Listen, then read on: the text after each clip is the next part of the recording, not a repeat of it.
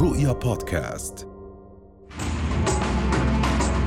سيادة وسادة أهلا بكم. حديث جديد الليلة.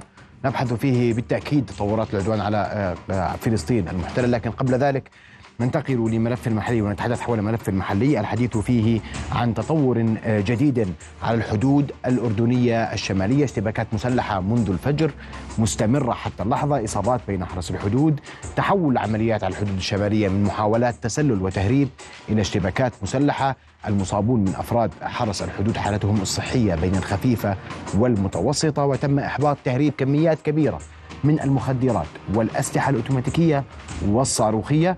وتحقيقات القوات المسلحة تكشف عن مخططات لاستهداف الأمن الوطني والاشتباكات مع الجماعات المسلحة على الحدود الشمالية ما زالت مستمرة حتى اللحظة وسط تدمير سيارة محملة بالمواد المتفجرة على الحدود الشمالية.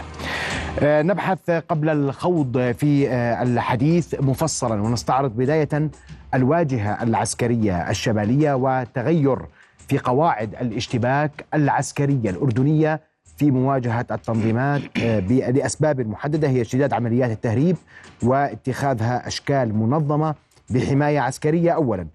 ثانيا تغيير طبيعة اشتباكات التنظيمات والميليشيات المسلحة مع قوات الجيش الأردني العربي. ولأول مرة الإعلان عن استخدام أسلحة صاروخية في الاشتباكات وكان هذا في آه، اليوم 18 12 2023 نبحث أيضا في جاهزية القوات المسلحة الأردنية حيث تم تغيير قواعد الاشتباك في يناير كانون الأول عام 2022 إطلاق نار فورا بدون تنبيه أولي بعد استشهاد ضابط وجرح ثلاثة جنود. أيضا تم الاعتماد على الإعداد الإعداد الاحترافي للقوى البشرية وتكثيف البرامج والدورات التدريبية عالية المستوى وتوظيف تصنيع عسكري عالي التقنية لمواجهة المسيرات تحديدا ورصدها وإسقاطها. التحديات تواجه القوات المسلحة على الواجهة آه، الشمالية هي امتدادها ل 375 كيلو مترا تحديات تتفاوت من منطقة لأخرى جغرافيا، الحدود الشمالية الغربية جبلية وعرة صخورها بركانية، المناطق الشرقية صحراوية مفتوحة تسمح بتنقل الأليات ومرور المهربين، كما أن انتشار تنظيمات إيرانية وميليشيات موالية لها بسبب فراغ سيادي للدولة السورية. للحديث حول هذا الموضوع أرحب بضيفي اللواء المتقاعد الدكتور عبد الله الربابعه مساء الخير أهلا بك. مساء النور يا حيران وسينضم إلينا أيضا الخبير الاستراتيجي والعسكري مأمون باشا أبو نوار. وأبدأ معك دكتور. وبدي أسمع بداية تحليلك وتقييمك لما حدث وما ما زال مستمرا على حدودنا الشمالية اليوم. بداية شكرا أخي محمد على هذه الدعوة. وأيضا شكري إلى عطوفة رئيسيه الأركان المشتركة. على الدعم المباشر والزيارات المتكررة إلى الواجهة آه، لدعم أفراد قوات حرس الحدود. قوات حرس الحدود تشكلت بعد تسلم جلالة الملك عبد الله الثاني سلطاته الدستورية في التسعة وتسعين. والآن أصبحت آه، تقريبا عشر كتائب منتشرة على كافة حدود المملكة الأردنية الهاشمية.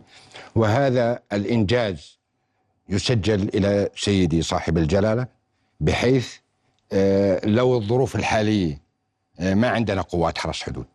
ماذا نعمل؟ فكان سيدنا عنده بعد نظر آه، عالي آه، شكل تسع كتائب والكتيبة العاشرة في طور التشكيل للسيطرة على حدود المملكة الأردنية الهاشمية بجهاتها الأربعة. نعم. فقوات حرس الحدود هي مزودة بأجهزة الأحدث عالميا اللي موجودة بين قوات بأيدي قوات حرس الحدود وأنا سبق لي وأن زرت آه، آه، أمريكا آه، عام 2012 وزرت قوات حرس الحدود العاملة بين أمريكا في المكسيك بين أمريكا في تكساس والمكسيك. فنفس الأجهزة اللي موجودة بين أيدي قوات حرس الحدود الأمريكية هي موجودة لدى قوات المسلحه الاردنيه الأسلحة اللي موجودة مع قوات حرس الحدود هي أسلحة آه، تستخدم لهكذا نوع من المهمة من آه، بنادق آه، الخفيفة والرشاشات والآليات آليات الدفع الرباعي. لأنه المنطقة مثل ما ذكرت أنت قبل قليل المنطقة تختلف من منطقة إلى أخرى فلذلك آليات الدفع الرباعي هي الآليات المناسبة للاستخدام في هكذا مناطق. مزودة هذه الآليات بكاميرات ليلية وأجهزة وأسلحة وعسكرنا معهم مناظير ليلية. فكل ما يلزم الجندي الأردني اللي موجود في قوات حرس الحدود هو موجود بين يديه الآن اللي صار سيدي يعني اللي صار. عشان, عشان نحكي من من فجر اليوم حتى هذه اللحظة. اللي صار اليوم تطورت عمليات التهريب على حدودنا الأردنية. من تهريب مخدرات في البداية كانت عبارة عن تهريب مخدرات من شخص يحمل مخدرات إلى مجموعة من الأشخاص اثنين ثلاثة يحملوا مخدرات إلى مجموعة أكثر سبع أشخاص والآن أصبحت مجموعات العدد أكثر من 20 و30 و40 شخص يحملوا مخدرات ويحملوا أسلحة أوتوماتيكية. والسلاح الأوتوماتيكي معناه أنه أنت جاي بنية القتل ومعهم أسلحة ميم دال معناه أنه إحنا غير قادرين نتعامل مع قوات حرس الحدود بالأسلحة المتوسطة والأسلحة الخفيفة. إذا إحنا بحاجة إلى أسلحة أقوى اللي هي أسلحة الميم دال اللي حك... تطرقت لها قبل قليل من RPG و rocket launcher وقن... ومتفجرات. لأنه قوات حرس الحدود عندهم آليات أيضا ثقيلة فكان القصد منها إنه ضرب هذه الآليات اللي ناقلات الجنود اللي موجودة على الحدود لتدمير أكبر عدد ممكن وقتل أكبر عدد ممكن من قوات حرس الحدود. في هذه المناسبة أنا عندما يعلن الناطق العسكري و آه، أو مدير الإعلام العسكري والناطق الرسمي باسم الحكومة وزير الإعلام يقول نحن نخوض حربا على حدودنا الشمالية. أنا وأنا سؤال هذا كلمة حربا استوقفتني كثيرا. ماذا على الجهات الرسمية في المملكة الأردنية الهاشمية أن تعمل؟ يجب أن تسخر كافة وسائل الدولة الأردنية وإمكانيات الدولة الأردنية عندما نقول حرب معناته كل الدولة الأردنية يجب أن تسخر إمكانياتها للقضاء على هذه المهمة هسا ما هي الوسائل اللي قبل سيدي اسمح لي بس أنا اليوم لما نحكي فجرا آه، محاولة آه، اقتحام للحدود نعم آه، اشتباك نعم. مسلح مستمر ويستمر حتى هذه اللحظة نعم. وهناك أيضا رسائل باتجاه من يقف خلف نعم. التنظيمات التي تهاجم هدف المهاجم وهدف إدخال الأسلحة بمعنى أن اليوم إحنا لا نتحدث فقط عن المخدرات نعم. المخدرات تجارة يحاول البعض منها كسب الأموال تهريب أموال ايا كان يكون هذا أمر مختلف لا تتعامل معه القوات المسلحة والاجهزه المعنية اليوم اختلفت الأمور اشتباك القبض على تسع مسلحين والاشتباك لا يزال جاري ال ال الجهة التي تقف خلف هذا الهجوم هي ليست مجموعة محددة صغيرة بل هي مجموعة مستمرة مستدامة وتحاول أيضا إدامة العملية إن صح التعبير. سيدي هي قوات حرس الحدود هي خط الدفاع الأول عن المملكة الأردنية الهاشمية وعن دول الجوار أيضا. سواء كانت آه، منع عمليات التسلل والتهريب ونقل الأسلحة بغض النظر مسمياتها متفجرات رشاشات قانصات دروع منحها بالقوة هذا هذا الواجب الرئيسي الأول اثنين إحنا قوات حرس الحدود الآن مثل ما تطرقت ومثل ما حكت وسائل الاعلام كلياتها إنه تخوض حربا على حدودنا الشمالية. هسه الحرب على الحدود الشمالية اختلفت من مجموعة من المهربين ينقلوا مخدرات إلى مجموعة من المهربين يخوضوا حربا مع قوات حرس الحدود. يعني إحنا بنحارب مجموعات مجموعات مهربين ولا مجموعات منظمة ميليشيات هي مسلحه؟ هي سيدي مجموعات منظمة مسلحة من ضمن ما تحمله تحمله تحمل مخدرات هذه المجموعات التي نحاربها على حدودنا الشمالية. إحنا أنا تطرقت قبل قليل وتحت الهواء أنا وياك إنه سوريا يوجد فيها ثلاث مناطق خارج السيادة السورية. المنطقة الأولى اللي هي الجنوب السوري مع حدود المملكة الأردنية الهاشمية هذا خارج السيطرة السورية. المنطقة الثانية المنطقة الشرق تحت سيطرة مين؟ تحت من... تحت المجموعات الإرهابية اللي تدعمها إيران بشكل مباشر. هي إيران تحاول العبث بالأمن الوطني الأردني من خلال إدخال المخدرات ومن خلال إدخال الأسلحة. هلأ إدخال الأسلحة هي بقصد زعزعة الأمن والاستقرار في المملكة الأردنية الهاشمية واثنين قد يكون القصد منها في مرحلة لاحقة إرسالها إلى الضفه الغربيه وهذا بعيد عليهم. ما دام هنالك رجال آه، من قوات حرس الحدود وخلفهم الأجهزة الأمنية تقوم بواجباتها بشكل كامل على حدودنا هذا لن يمر. هذا لن تحقق إيران أهدافها أو لن تحقق المجموعات المدعومة من إيران أهدافها ما دام في رجال أردنيين قادرين على أنهم يقوموا بواجباتهم بشكل صحيح على حدودنا الشماليه والشماليه الشرقيه. طب ما هو لازم يكون في هدف لا أول شيء هذا ذكر ببيان القوات المسلحة أنه كان امرا مرصودا ويكون هناك عمليات استخبارية كانت قائمة على الحدود الشمالية ترصد هذه التحركات. نعم. صحيح؟ صحيح. طب هذا يعني أن التحرك ليس وليد اللحظة. أه وإحنا قبل هيك واليوم اليوم الأردن يقول عبر مصادر أنه أبلغ إيران بأنه لن يقبل بهذه التجاوزات. سيدي سؤالك ممتاز إحنا الأردن أبلغنا إيران والأردن أبلغت مسبقا وسابقا آه، عندما التقى عطوفة رئيسية الأركان المشتركة الأردني مع رئيس هيئة الأركان المشتركة السوري ووعد الجانب السوري بأنه سيتم السيطرة على حدود المملكة الأردنية الهاشمية على الحدود السورية من الجهة الجنوبية التي تحد المملكة الأردنية الهاشمية. لكن ما مشت الحال؟ التقى وزير الإعلام وزير الخارجية الأردني مع وزير الخارجية السوري في لقاء سابق ووعد أنه سيتم السيطرة على حدودنا الجنوبية. وما تم الحكي هذا. الآن أصبحت هذه المنطقة خارج السيادة السورية. بما أنه مسؤولين سياديين رئيس الأركان ووزير الخارجية السوري وعدوا ما نفذوا معنى أنه هذه المنطقة خارج سيطرة سوريا. الآن ماذا علينا أن نعمل؟ إحنا بسمح لي أنا بدي أتوقف عند هاي النقطه هي نقطة أساسية ومهمة نعم. جدا وراح أرجع لك فيها بالتفصيل. لما تقول هذه المنطقة خارج السيادة السورية تخضع لسيادة ميليشيات اليوم. طالما أنها خارج السيادة السورية نعم. تحت حكم ميليشيات تابعة لإيران. نعم. إيران تستهدف الأمن الأردني. هذا كلام مهم جدا لأنه ماذا تريد من الأردن إيران اليوم؟ لكن قبل ذلك اسمح لي أن أرحب بالخبير الاستراتيجي والعسكري آه، الباشا مأمون أبو نوار. باشا مساء الخير وأهلا بك. مساء الخير. أهلا وسهلا. آه، خطورة ما يحدث على الحدود وتقييمك ما يحدث منذ ساعات الفجر حتى اللحظة على حدودنا الشمالية.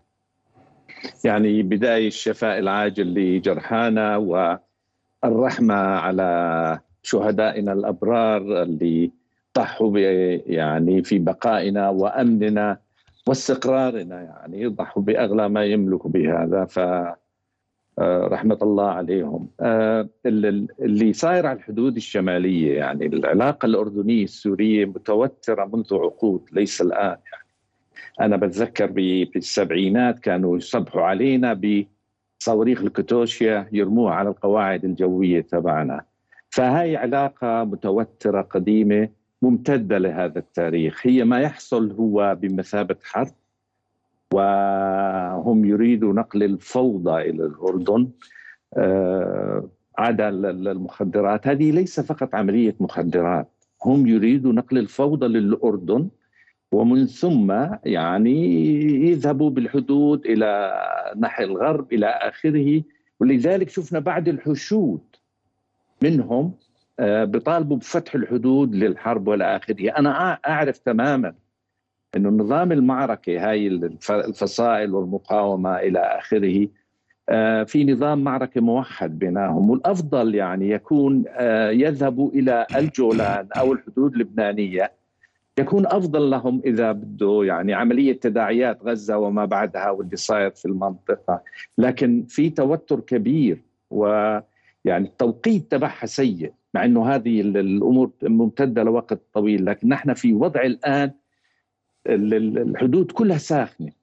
فهؤلاء سوف يستمروا بهذا المنهج. وأعتقد آه، إيران لن تخرج من سوريا. إيران آه، سوريا ممزقة آه، كليا. يعني في تركيا إيران روسيا جزء من الحرب الدائرة الآن. حاولنا مع الراجل الروسي أن نحمي الحدود. فشلنا بذلك. فأعتقد أن هذه الحالة سوف تستمر آه، لفترة طويلة. لابد من علاجها. الأردن لوحده لا يستطيع لأنه هذا بالغ يعني تكلفتها بالغة على الأردن بشكل، الأردن حاول بكل الطرق عملية توحيد سوريا آه، عملية أيضا إنه تخفيض قيصر إعادتها إلى اللحمة العربية كل الاجتماعات اللي صارت رئيس الأركان وزير دفاعهم إلى آخره يعني نشوف كل الإجراءات كانت سلبية بهذا الخصوص. هذه مسؤولية سورية ويجب أن تتحملها سوريا. الآن إذا يعني أكثر من أنه يعني فتح جابر ونصيب الحدود أيضا يعني عمل كل ما يستطيع. مع ذلك بنلاقي إنه بيقطعوا المية علينا المياه. عندنا ضيوف حوالي مليون و300 فهذا عبء كبير على الأردن لا لكن لماذا تذكر التوقيت باشا اليومي يعني اليوم لماذا تقول أن التوقيت اليوم مقلق ومختلف ويأتي لأسباب أو اليوم في تساؤل هل هذا التوقيت يأتي لأسباب أخرى؟ هل هناك دوافع نعم. أخرى لهذا التوقيت؟ نعم في عندنا تداعيات آه، غزة وأثرها على الضفة الغربية وممكن السلطة يعني لن تستمر بهذا الخصوص والفوضى تنتقل إلينا وإلى آخره والتهجير القسري. بمناسبة التهجير القسري نحن عندنا تهجير قسري الجندي الأردني والضابط الأردني. كان يفوت على الحدود السورية ينقذ هؤلاء العائلات ويدخلهم في الحدود مرة أخرى لعندنا. هذا هو نحن التقاليد والشرف العسكري الأردني. فعلى أي حال يعني هذه عملية التهجير القسري من سوريا آه، يعني السلامات والعالم ما بيساعد أيضا جماعة الخليج أحكيها بكل صراحة لابد من دعم يعني صحيح نحن عندنا ردع ممتد من الخليج للأردن وبالعكس والتعاون وعمقنا عمقهم لكن هذه تكلفة كبيرة على الأردن ولا يستطيع يعني الأردن أن يستمر فيها لفترة طويلة من الزمن. دولة الإقليم يعني السياسيين بيحكوا أنا أقول دولة الإقليم هي إيران يعني نروح نسألها لإيران.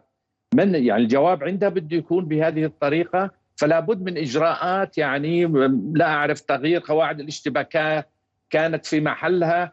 ممكن أن يكون هنالك منطقة محرمة عسكريا ممكن أن يكون هنالك تعاون دولي بهذا الخصوص. وهذا ما يحصل في المنطقة هل تقصد يعني هل تقصد ما مباشر هل تقصد يعني منطقة عازلة بيننا وبين سوريا؟ ممكن لأنه لابد منها. ليش بيعملوها في تركيا؟ وليش في, طيب. في تركيا ما عندهم يعني عملية اتفاقية إنه يدخلوا في حدود تركيا خمسة والآن إلى 10 كيلو لمطاردة الإرهابيين وهذا. ما نسمي هؤلاء الحدود الحدود عندنا يعني. ابقى معي مأمون باشا يعني أسمع آه، دكتور عبد الله ورأيك في هذه النقطة. وإلى كان في حديث كثير عن موضوع منطقة آمنة منطقة عازلة منطقة آه، خاضعة عسكريا للأردن لحماية حدودنا آه، آه، الشمالية الممتدة والطويلة وذكرنا بوضوح أكثر من 300 كيلو. سيدي أنا أشكر الباشا أنه ذكرني كمان على الاتفاقية اللي وقعت بين الجانب السوري والجانب التركي التي تسمح بدخول القوات التركية 10 كيلو داخل الأراضي السورية مطاردة لحزب العمال الكردستاني. الآن هذا آه، الخيار إحنا ما ظل قدامنا خيارات. يعني استخدمنا كل الوسائل الأردنية. آه، ما ظل قدامنا إلا خيار واحد اللي هو عمل منطقة عازلة في الجنوب السوري لحماية حدود المملكة الأردنية الهاشمية الشمالية. آه، يعني أنا بدي أرجع أتذكر إنه جلالة سيدنا في مؤتمر القمه خطب وحكى اللي عقد في الرياض وقال إنه يجب حماية الحدود الشماليه الاردنيه من التهريب والانفلات الأمني داخل سوريا. وذكرها في أكثر من محفل دولي لأنه مشكلة المخدرات مش مشكلة أردنية. هي المخدرات الكميات الهائلة اللي بتفوت على المملكة الأردنية الهاشمية ليست الاستهلاك المحلي. هذه كميات المخدرات الآن إذا بتحب إني أقرأ لك الكميات اللي عندي اللي فاتت بال 2022 واللي فاتت الأسبوع الأسبوع الحالي اللي إحنا موجودين فيه آه كميات مهولة جدا. إحصائيات عام 2022 37 مليون و500 ألف حبة كبتاجون. هذا رقم مهول جدا. آه حبة مخدر 2 مليون و65 ألف و265 حبة مخدر غير الكبتاجون. 336 ألف 815 كف حشيش. هذا بال 2022 هاي الكميات اللي دخلت إلى الأردن أو اللي تم إلقاء القبض عليه على تم ضبطها. تم ضبطها على حدودنا الشمالية. للعلم كلها جت من الاتجاه السوري. هذه الكمية طبعا مع عدد من الأسلحة مسدسات طيب. ورشاشات هذا الأسبوع شو صار؟ هذا الأسبوع سيدي بدون إحصائية اليوم لاني حكيت أنا كانوا لسه بيعدوا يعني بجردوا بالإحصائيات.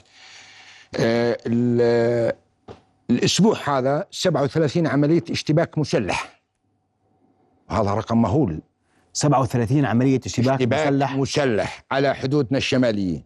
ست عمليات ضبط فيها مواد مخدرة. هسا تقول لي وين ال 31 عملية؟ لأنها داخل العمق السوري. ما قدرنا نفوت أكثر ونجيب المخدرات. قدمت فيها القوات يعني 31 عملية اشتباك كانت في, في يعني على حدودنا مباشرة. الاستهداف كان على حدودنا لكن في الجانب السوري. في الجانب السوري. فما معنى تفاصيل ما, ما, ما تم ضبطه في هذه العملية. نعم. على المواد هاي الأرقام اللي أنا حكيت لك إياها أو راح أحكي لك إياها الآن هي على الحدود مباشرة. تم ضبطها على الحد مباشرة. يعني 100 متر 200 متر جبناه. تم استشهاد وكيل وإصابة آخر. هذا الأسبوع. هذا الأسبوع. نعم. آه العصابات المسلحة قتل منهم 17 مهرب. مسجل عندك. و40 جريح. وواحد تم إلقاء القبض عليه حي. بدون إصابات ولا شو اسمه. الكميات اللي تم ضبطها الأسبوع الحالي اللي إحنا موجودين فيه 3 مليون و587 ألف حبة كبتاجون. 6953 كف حشيش. 14921 حبة ترامادول. 260 رشاش أوتوماتيكي وقاذفات صواريخ. وهذه الكم الهائل من الأسلحة هذا بيعطيك مؤشر. إيش؟ إنه مش جماعة تهريب إنه جماعة دخول بالقوة. يعني إحنا يجب أن نخترق الحدود الأردنية بالقوة ونفوت. وهاي كمية الأسلحة هذه اللي تم ضبطها في بجزء خلف كميات. وين بدها تروح؟ هل تبقى داخل المملكة الأردنية الهاشمية؟ أو يتم تهريبها إلى طرف آخر إلى دولة مجاورة. فإحنا الآن بدي أرجع للمقولة إنه الآن القوات المسلحة الأردنية تخوض حربا. على حدودنا الشمالية. ويجب أن تسخر كافة إمكانيات الدولة. هلأ إمكانيات الدولة متعددة. وزارة الإعلام بكافة مكوناتها. الإعلام المرئي والمقروء والمسموع والمكتوب والكتاب والصحفيين ووسائل مواقع التواصل الاجتماعي. يجب أن تسخر هذه كافة لمساعدة الدولة الأردنية على القيام بواجباتها. وزارة التربية والتعليم وزارة التعليم العالي وزارة الصحة وزارة الأوقاف وزارة العدل. ومن هذا المنبر أنا بقول يجب إعادة النظر بالتشريعات. التشريعات الناظمة للتعامل مع التهريب أو مع المخدرات. بس قاعد بنمسك معه مخدرات قالوا أول مرة خلص 14 يوم وروح. تعيدهاش مرة ثانية. ما كان هذا الحكي موجود سابقا. كان سابقا يجرم. فإحنا إذا أرخينا شوية أو كانت سهلة عملية شو اسمه بيكون راح يكون العواقب وخيمه أصبحت المخدرات تغزو ديليفري تطلب مخدرات على التلفون بتجيك. فالمخدرات أصبحت تفتك بالمجتمع الأردني وتؤثر على الاقتصاد الأردني وتؤثر على على الاستثمار. إذا ما كان عندنا إحنا آه، أجهزة طبعا الأجهزة الحكومية الأجهزة الأمنية على رأس القوات المسلحة والمخابرات العامة والاستخبارات العسكرية والأمن العسكري ومكافحة المخدرات بيطاردون ليل نهار تجار المخدرات في المدن في القرى في على الشوارع على الطرقات على الحدود لكن أيضا على الدولة. أيضا على مؤسسات الدولة الأخرى أن تقوم بواجبها. يعني اسمح لي إني أقول أخلي برنامج تلفزيوني دقيقتين ثلاث دقائق كل محطة فضائية كل تلفزيون رسمي كل موقع إخباري يحذر هالناس يوعي المواطنين. وعي المواطن الأردني. يجب أن يكون المواطن الأردني حريص وواعي لأنه كمان شوية المخدرات لا تقول إنها بعيدة المخدرات كمان شوية يتصل إلى بيتك عن طريق قريب. عن طريق صديق عن طريق تاجر عن طريق صاحب عن طريق عن طريق رح تصل إلى كل بيت أردني. واضح. اسمح لي بأنتقل للباشا وباشا إحنا في نقطتين.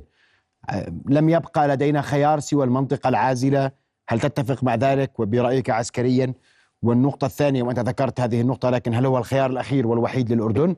ونتحدث عن كميات الأسلحة التي تم ضبطها في آخر أسبوع. يعني بنحكي عن 260 رشاش وقاذفة صواريخ غير ما ضبط اليوم وهذا كلام الدكتور عبد الله واضح. يعني هذا غير ما ضبط اليوم في العملية العسكرية لأنه هذول هيك بطلوا مهربين مخدرات تقليديين. نحن نخوض معركة مختلفة على الواجهة الشمالية بأكملها. يعني ندافع عن أنفسنا آه، بهذا الخصوص ويعني لدينا الوسائل لصدهم آه، يعني المنطقة العازلة أنها تتطلب أيضا آه، يعني تعاون دولي بهذا الخصوص وهي مكلفة جدا على ميزانية الدولة أيضا. فإذا فكر الأردن لابد أن يكون هنالك جهد دولي بهذا الخصوص لكن الأردن لديه يردع من خلال الكشف المبكر بوسائله الجوية والأبراج والوسائل الإلكترونية المختلفة. ولا يوجد فجوة يعني عملياتية اللي ممكن أن يدخلوا منها لكن ما في أمن مطلق في العالم وهدول أصبحوا يعني آه، في يعني في ناس بخطط لهم. هؤلاء لا يعملوا هذه يقوم بهذه الأفعال. في هنالك تخطيط رسمي خلف ما يقومون به. وهذا اقتصاد كبير لسوريا. سوريا مدمرة اقتصاديا. فيعني هذا مفيد لهم بطريقة ما لكن اعتقد أعتقد يجب أن يعني ممكن يذهب الأردن أن يعني إلى جهات دولية كثيرة ويعني يصلوا إلى قرارات بخصوص تعاون دولي كامل لمنع مثل آه، هذه الأمور وردعها كليا لأنه هذا خطر يعني كما تفضل الدكتور وأنت.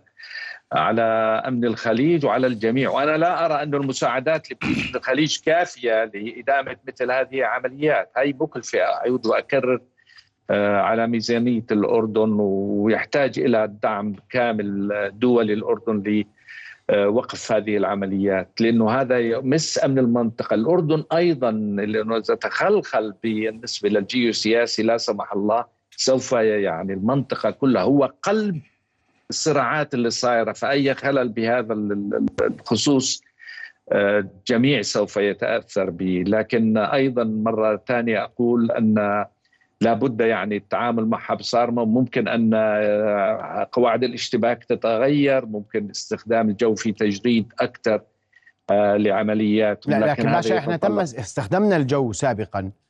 في نعم، قصف نعم مواقع في الداخل السوري عندما اضطررنا لذلك بعد عدم التجاوب مع مطالب أردنية واضحة حول تهريب المخدرات. نعم صحيح. وقتلوا الرار رمثان آه، واحد نعم. منهم الزعيم تبعهم هذا. قريب كان الحدود وكانت ضربة موفقة أنا بعتقد. لابد من الاستمرار بمثل هكذا أمور. وأنا يعني الجماعة المسؤولين عنا هم يعلموا أكثر مني بهذا الخصوص يمكن يغيروا قواعد الاشتباك.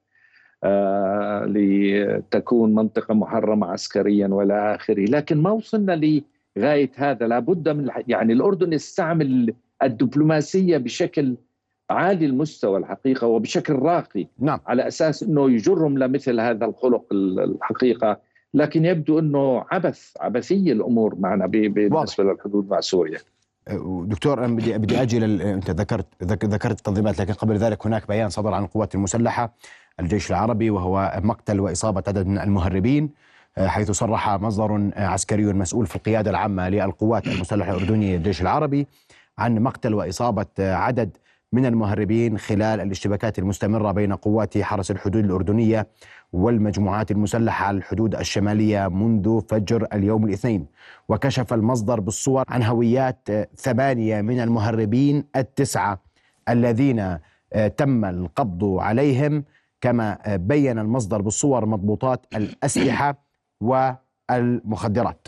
وبين المصدر أن كميات المواد المخدرة بعد حصرها بلغت قرابة خمسة ملايين حبة كبتاغون وقرابة 13 ألف كف حشيش تم تحويلها إلى الجهات المختصة وأيضا تم الكشف عن هويات المهربين ثمانية هويات لمهربين تم ضبطهم من أصل تسعة تم ضبطهم اليوم خلال العملية العسكرية التي لا تزال مستمرة وفق بيان القوات المسلحة قبل قليل.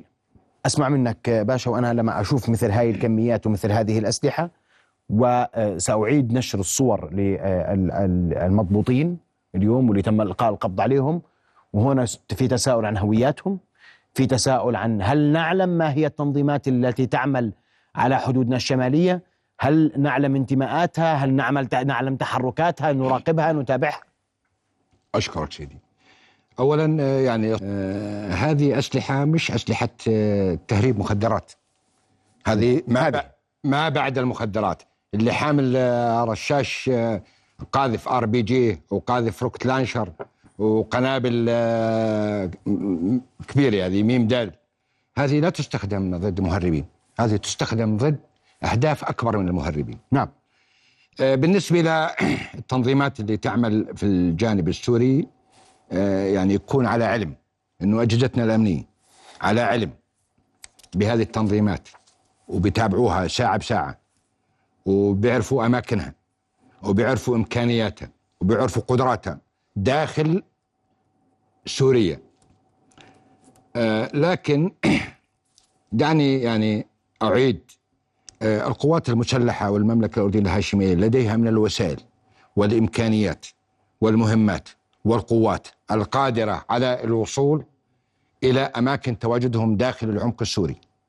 لكن بحكمنا شيء واحد أن الأردن عمرها ما تدخلت في شؤون الدول المجاورة وهذه من المصلحة الوطنية العليا للمملكة الأردنية الهاشمية. لكن عندما يتعرض أمن المملكة الأردنية الهاشمية للخطر يصبح كل شيء متاح. ومثل ما سبق وحكى الباشا وحكيت أنت إنه سبق إنه إحنا تعاملنا مع أهداف داخل العمق السوري. الأهداف موجودة. وهم يكونوا على علم. إذا كانوا الناس منهم بيسمعني إنه أنتم معروفين وأماكنكم معروفة لكن احترام الجيرة والجوار إلى الشقيقة سوريا. لسه بعدنا بنقول الشقيقة سوريا. الله يكون في عونها اللي مش مسيطره على حدودها. لدينا من الإمكانيات والوسائل إنه نقدر نصل إلى أماكن تواجدهم. سلاح الجو عندنا بإمكانياته وقدراته قواتنا الخاصة عندهم كل المعلومات. سيدنا قواتنا لكن... هناك في حديث كان اسمح لي أنا بس. نعم. وهنا أسمع منك لأنه هناك كان حديث إنه المناطق الحدودية شهدت خلال الفترة الماضية تعزيزات. نعم. وأيضا آه، إضاءة أوسع لمناطق حدودية على الشريط الحدودي من قبل القوات المسلحة الأردنية. نعم. في دليل الجهد الاستخباري اللي تحدث فيه القوات المسلحة قبل قبل قليل في بيانها السابق قبل شوي إحنا معلوماتنا موجودة. بننتظر القرار السياسي. وقواتنا المسلحة الأردنية الباسلة بكافة مكوناتها آه، من سلاح جو وقوات خاصة قوات حرس الحدود قادرين إنهم يصلوا وفوتوا إلى أماكنهم.